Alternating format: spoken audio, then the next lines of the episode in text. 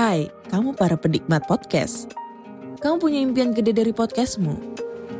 Terus First Story bisa banget bantu kamu. Mulai dari F-Link, Dynamic Audio Insertion, sampai statistik yang komprehensif. Semua ada di First Story. Gak ketinggalan kamu bisa monetisasi podcastmu lewat iklan dari First Story Ads yang bisa kasih kamu penghasilan dari setiap place podcastmu. Yuk gabung sekarang dengan klik di firststory.me. Sekali lagi, klik di firststory.me.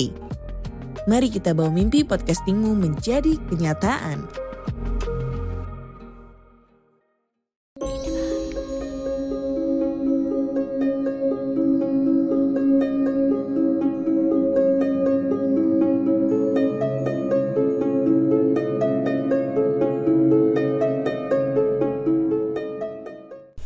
Selamat malam dan selamat datang. Saya Denny dari Rumah Horor Indonesia dan Cerita Tengah Malam menyambut kalian untuk mendengarkan cerita horor di malam hari ini.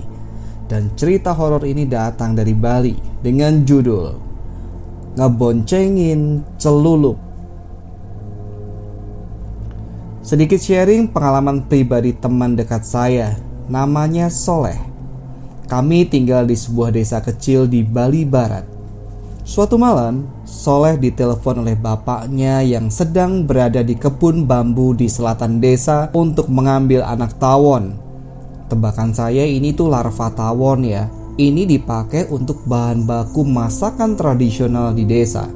Sambil membawa baterai cadangan untuk lampu senter.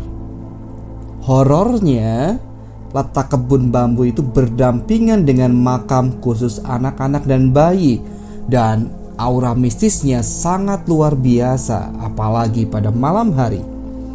Namun, karena perintah sang ayah, meski agak enggan, akhirnya Soleh langsung tancap gas ke lokasi. Setelah sampai di sana, kemudian Soleh mengambil anak tawon dari ayahnya dan pulang terlebih dahulu karena sang ayah masih mencari sedikit rempah-rempah untuk bumbu masakannya. Motor pun digeber namun seiring itu perasaan janggal pun mulai muncul dengan bulu kuduk yang sudah berdiri. Merasa nggak enak hati, Soleh pun tancap gas untuk mencapai rumah dengan segera. Namun anehnya, itu motor bebek andalannya tidak melaju secara normal jaya. Putaran gas terasa sangat berat dan gear satu atau gigi satu terasa ngos-ngosan Motor pun melaju layaknya kura-kura, slow motion. Detak jantung Soleh mulai meningkat. Dia sadar ada hal yang tidak beres karena tidak pernah sekalipun seburuk-buruknya kondisi sang motor sampai begini berat ketika digas. Sampai-sampai ayahnya yang berangkat belakangan dari lokasi dapat menyusul di belakangnya. Suasana hening campur seram pun terjadi. Soleh yang kebingungan cuma terus berusaha tancap gas. Sementara ayahnya yang ada di sampingnya pun cuma diam tanpa sepatah kata pun. Sesampainya di daerah pemukiman dekat rumah warga, tiba-tiba saja motor Soleh kembali normal dan Soleh langsung tancap gas ngebut sampai rumah.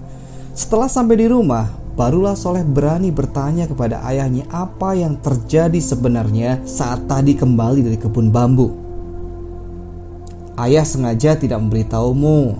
Takut kamu terkejut, hilang kendali dan jatuh dari motor.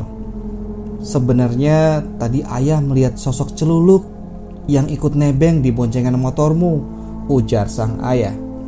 Spontan Soleh langsung terdiam mendengar cerita ayahnya tersebut. Keringat dingin mulai keluar. Lalu dia menyalakan sebatang rokok sambil berusaha menenangkan jiwanya. Keesokan harinya, Soleh mengalami demam tinggi yang sangat mungkin diakibatkan oleh sambet makhluk halus. Sebagai informasi, celuluk juga biasa disebut dengan leak gundul. Hantu jenis ini merupakan hantu jadi-jadian dengan wujud yang sangat menyeramkan.